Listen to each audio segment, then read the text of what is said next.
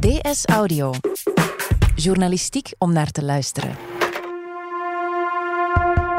Een jaar geleden kwamen tienduizenden Fransen op straat. De gele hesjes lieten voor het eerst van zich horen.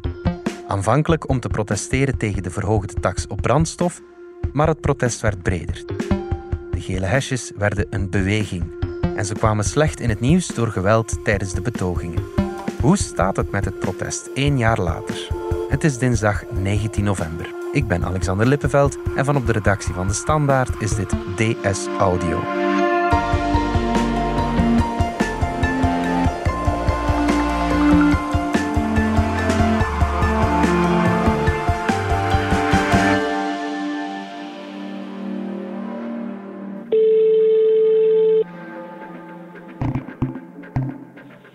Hallo.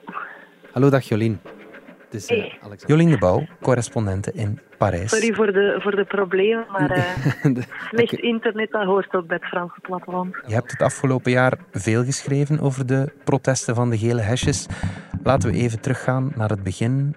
Bij wie is die protestbeweging begonnen? Wel, dat is dus eigenlijk begonnen bij een, een vrouw in Bretagne. Eh, een paar weken voor die eerste grote betoging was er dus eh, een vrouw, Jacqueline Moreau.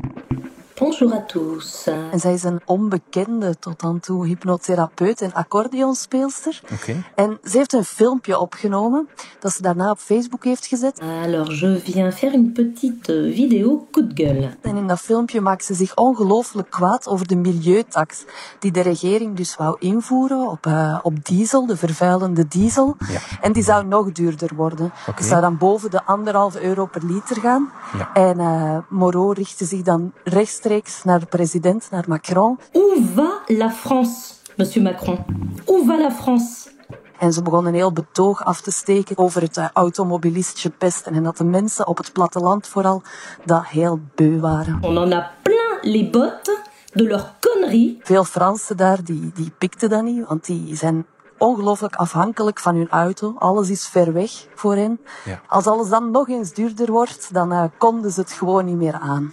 Peut plus. On vit pas tous en ville. Dat contrasteerde ze toen heel hard met de milieubewegingen die opstonden en die, die daar wel voor waren, hè, voor die milieutaxen. Ja.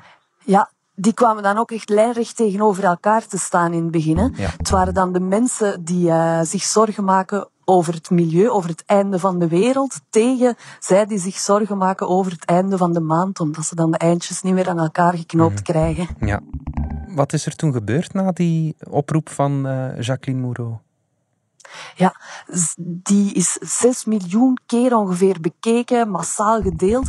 En dat was dan ook het speciale, dat dan op Facebook vooral mensen zelf ook hun verhaal begonnen te doen. Zij begonnen ook filmpjes te posten en via die sociale media eh, riepen mensen dan op om buiten te komen, op straat te komen, een geel hesje mee te pakken. En eh, zo is dat dan allemaal begonnen, zonder eigenlijk veel eh, organisatie, of zelfs zonder organisatie, allemaal via die sociale media. Ja, ja, het begon op het platteland en na een paar weken, op 17 november, ging het naar Parijs, naar de stad. Ja, klopt. Ja. Dus echt, het platteland was die basis, die mensen van het platteland ook, die zo kwaad waren, daar begon het allemaal mee. En dan is het pas met de betogingen in Parijs is het gekeerd en Ja. gingen ze zich ook echt richten tegen dingen. En niet meer alleen voor de koopkracht, maar echt tegen de regering, Ja. tegen Macron, want die moest weg. Het was een heel groot succes. Eh, op, op 17 november kwamen de mensen voor het eerst op straat. Hè. Hoe, hoeveel mensen waren dat toen? Toen waren ze daar met 282.000. Dat was dan ook meteen het record. Hè. Met zoveel zijn ze nooit meer op straat gekomen. Maar eh, dat, was, ja, dat was immens. Ja, je zei het al, ze namen allemaal een geel hesje mee. Waarom dat gele hesje eigenlijk? Dat is heel symbolisch. Hè? Dus een geel hesje, iedereen heeft dat in de auto liggen. Dus weer die auto, plus die kleur, hè? Dat, is, dat is voor de zichtbaarheid natuurlijk. En zij voelden zich onzichtbaar. Zij vonden dat dan de, de elite, de stedelijke elite, hen niet zag. En dat geel hesje stond als symbool voor hun zichtbaarheid. Kijk naar ons, wij zijn er ook, wij willen zichtbaar zijn. Ja, ja. Had jij meteen het idee dat er iets groots aan de hand was? Ja, nu in het begin, ik zag al die, al die berichten wel komen, maar ik, ik zat toen zelf eigenlijk ook op het platteland. Hè. In, in de week zat ik in Parijs en in het weekend ging ik altijd, nu nog altijd, naar het platteland. En dan passeerde ik ook altijd die, die rotondes. En dat was, dat was immens, hè. die mensen die daar toen nog voor die eerste betoging op straat kwamen en uh, daar kampen begonnen te bouwen, die daar uh, enorme kampvuren begonnen op te stoken. Het werd ook al ja, steeds kouder natuurlijk. Ja. En toch bleven de mensen daar staan. Je merkte dat die, dat die woede echt wel uh, ja, diep ging. Ja. Want uh, de mensen die dan de gele hesjes steunen, die, die leggen een geel hesje op hun dashboard. Mm -hmm. En in Parijs zag je er eigenlijk ja, redelijk weinig, maar hoe okay. meer dat we dan uh, naar het platteland reden, hoe meer van die gele hesjes er waren. En tot op een punt dat, dat in, ja, in bijna elke auto zo'n geel hesje lag. Ja, um, je hebt, veronderstel ik, ook met heel wat gele hesjes gesproken. Wat hoorde je van hen? Ja, dat ze kwaad waren. Ja. Sommigen ook wanhopig, maar die hoop die werd altijd maar groter. Hè. Hoe meer mensen dat er dan uh, kwamen meedoen met die, met die protesten of op de ronde punten, hoe, hoe groter hun hoop werd. En ook vooral dat er plots gesproken werd ook over hun problemen. Dat, dat mensen daar niet meer gewoon mee binnen bleven zitten. Dat het dus echt gewoon open en bloot werd verteld van kijk, wij hebben problemen en wij willen dat dit gehoord wordt. Ja, en dat ging dan verder dan enkel die brandstofprijzen, veronderstel ik. Ja, dus die brandstofprijzen, dat was eigenlijk echt die eerste weken. En dan plots werd dat koopkracht over het algemeen. Ja. En ook wel dat ze zich tweederangsburger voelden. Ze voelden zich vergeten. Bijvoorbeeld hier op het platteland zijn scholen veel minder kwalitatief dan in bijvoorbeeld Parijs. En als je niet naar de juiste school bent geweest, dan ga je ook niet naar de juiste universiteit kunnen gaan en ga je dus geen goede job kunnen, kunnen vinden. Dus die sociale mobiliteit, daar uh, maken ze zich hier ook zorgen over. En, en dan was het vooral tegen de regering. Ja. Na een tijdje werd het ook tegen de politie. Het werd eigenlijk tegen alles en iedereen. Iedereen had wel iets om tegen te zijn. Ja, ja, en dat tekende dan wel die evolutie van die gele hesjes.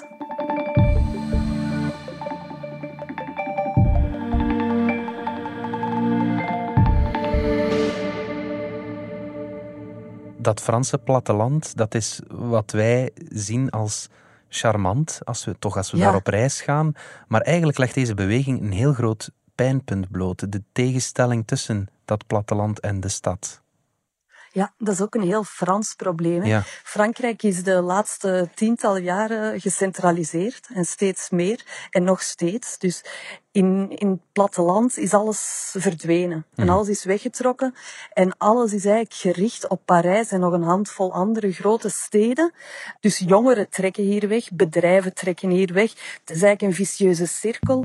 Ook de, de openbare diensten trekken steeds meer naar grote steden. Dus je moet altijd maar verder weggaan om nog iets te kunnen doen, om je rijbewijs te laten drukken. Eh, Je moet altijd verder weggaan, alles trekt weg. Ja. En ehm dat ligt eigenlijk een beetje aan de bron van, van het probleem. ja, terwijl Frankrijk traditioneel toch echt een landbouwland is. Waarom is dat zo moeilijk te verzoenen?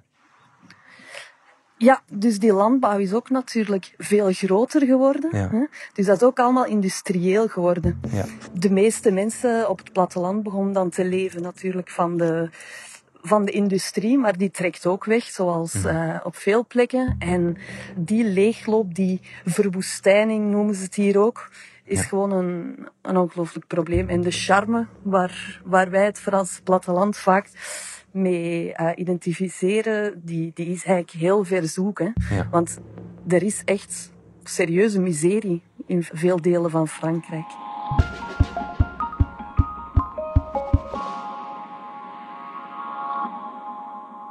Even terug naar het protest misschien. Ehm, het protest is ook ontspoord. Eh, er zijn zelfs doden gevallen. Eh, heel veel arrestaties, heel veel gewonden ook. Ehm, wat heeft die ontsporing van dat protest eigenlijk betekend voor de gele hesjes? Ja, dat was eigenlijk, je zou kunnen zeggen, het begin van het einde. Al is dat misschien iets te ver gezocht, maar de steun begon toen ongelooflijk af te brokkelen. Dat was redelijk snel dat dat, dat allemaal uit de hand liep. Vooral dan, uh, op 1 december is er een serieuze groep relschoppers van verschillende ja. strekkingen uh, bij de betoging gekomen. En zij hebben dan ook de Arc de Triomphe aangevallen, de Champs-Élysées eigenlijk helemaal kort en klein geslagen, banken, luxe winkels. Er is brand gesticht. Ja. En dan in de publieke opinie, inderdaad, begonnen mensen zich natuurlijk een beetje af te keren mm. van de gele hesjes. En de, in de beweging zelf, bij de gele hesjes zelf, heeft dat geweld natuurlijk ook geleid dat de, tot uh, het afbrokkelen en het in twee strekkingen eigenlijk um, verdelen van de, van de gele hesjes. Ja. Enerzijds waren er dan mensen die, die vonden dat dat geweld absoluut niet kon. En die stopten met naar de ronde punten te komen en met naar Parijs te trekken. Die liever zouden onderhandelen. En anderzijds mensen die absoluut niet wilden onderhandelen. En die zeiden, ze luisteren alleen maar naar ons als we geweld gebruiken en als we dingen gaan kapotmaken. Ja, ja, ja. een breuklijn binnen de, de gele hesjesbeweging zelf. Ja, ja. ja. President Macron die lag het afgelopen jaar onder vuur om zijn beleid, kreeg dat hele gele hesjesprotest over zich heen. Hoe heeft hij dat eigenlijk aangepakt? Ja, in het begin eigenlijk absoluut niet aangepakt. Mm -hmm. Het heeft vier weken geduurd, vier weken van protesten, voor hij zelf echt uh, de, de bevolking heeft toegesproken. Die volgde dan natuurlijk ook van heel nabij. En hij heeft dan wel de opdracht gegeven aan zijn premier Edouard Philippe om maatregelen um, voor te stellen. Maar dat waren dan echt maatregelen over dat brandstofprotest. Hè. En ze zouden het goedkoper maken om proper te kunnen rijden. Maar dat was absoluut ja. niet genoeg. Het was ook te laat. En na vier weken protesten die, die maatregelen die toen genomen zijn, toen zeiden veel gele hesjes, ja, te laat. En uh, nu willen we gewoon andere dingen en meer. Hè. Dat lange wachten heeft hij natuurlijk ook bevestigd in hun gevoel mm. dat zij tweede rangsburgers zijn en dat, dat ze geen prioriteit waren van die jonge nieuwe president die een beetje neerkijkt ook uh, ja. op zijn volk, ja. volgens hen. Ja. -hmm. Had hij het te laat door of, of was het strategisch? Of hoe zat dat juist?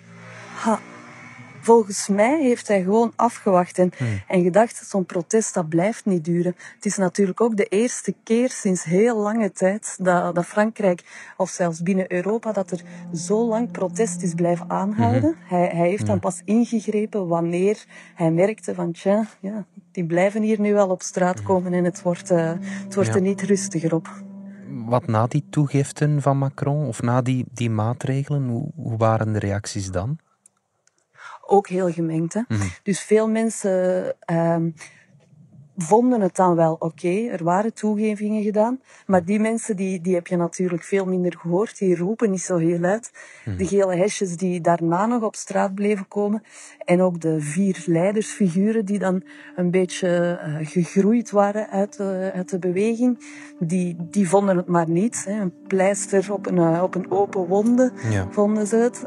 Het was niet genoeg. Het waren ook sommige aankondigingen die, die al eerder door zelfs vorige regeringen al waren gedaan, die sowieso al gepland gingen worden. Ja, die vonden het dus allemaal maar een beetje uh, opgeblazen en dat heeft hen ja. absoluut niet, niet rustiger gemaakt.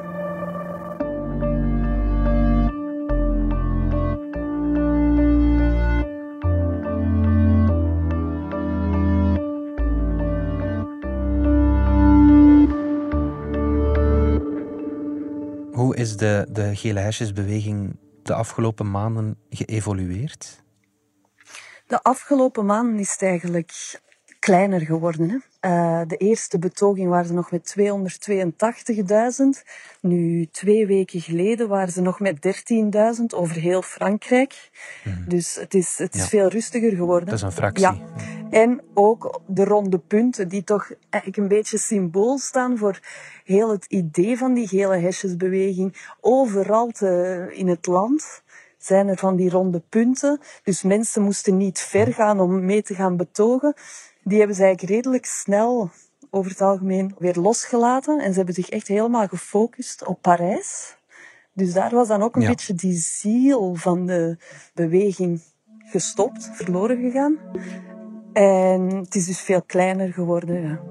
Ja, ja, ja. Zijn de mensen de protesten en de gele hesjes zelf ook de protesten beu? Ja, er zijn dus Ja.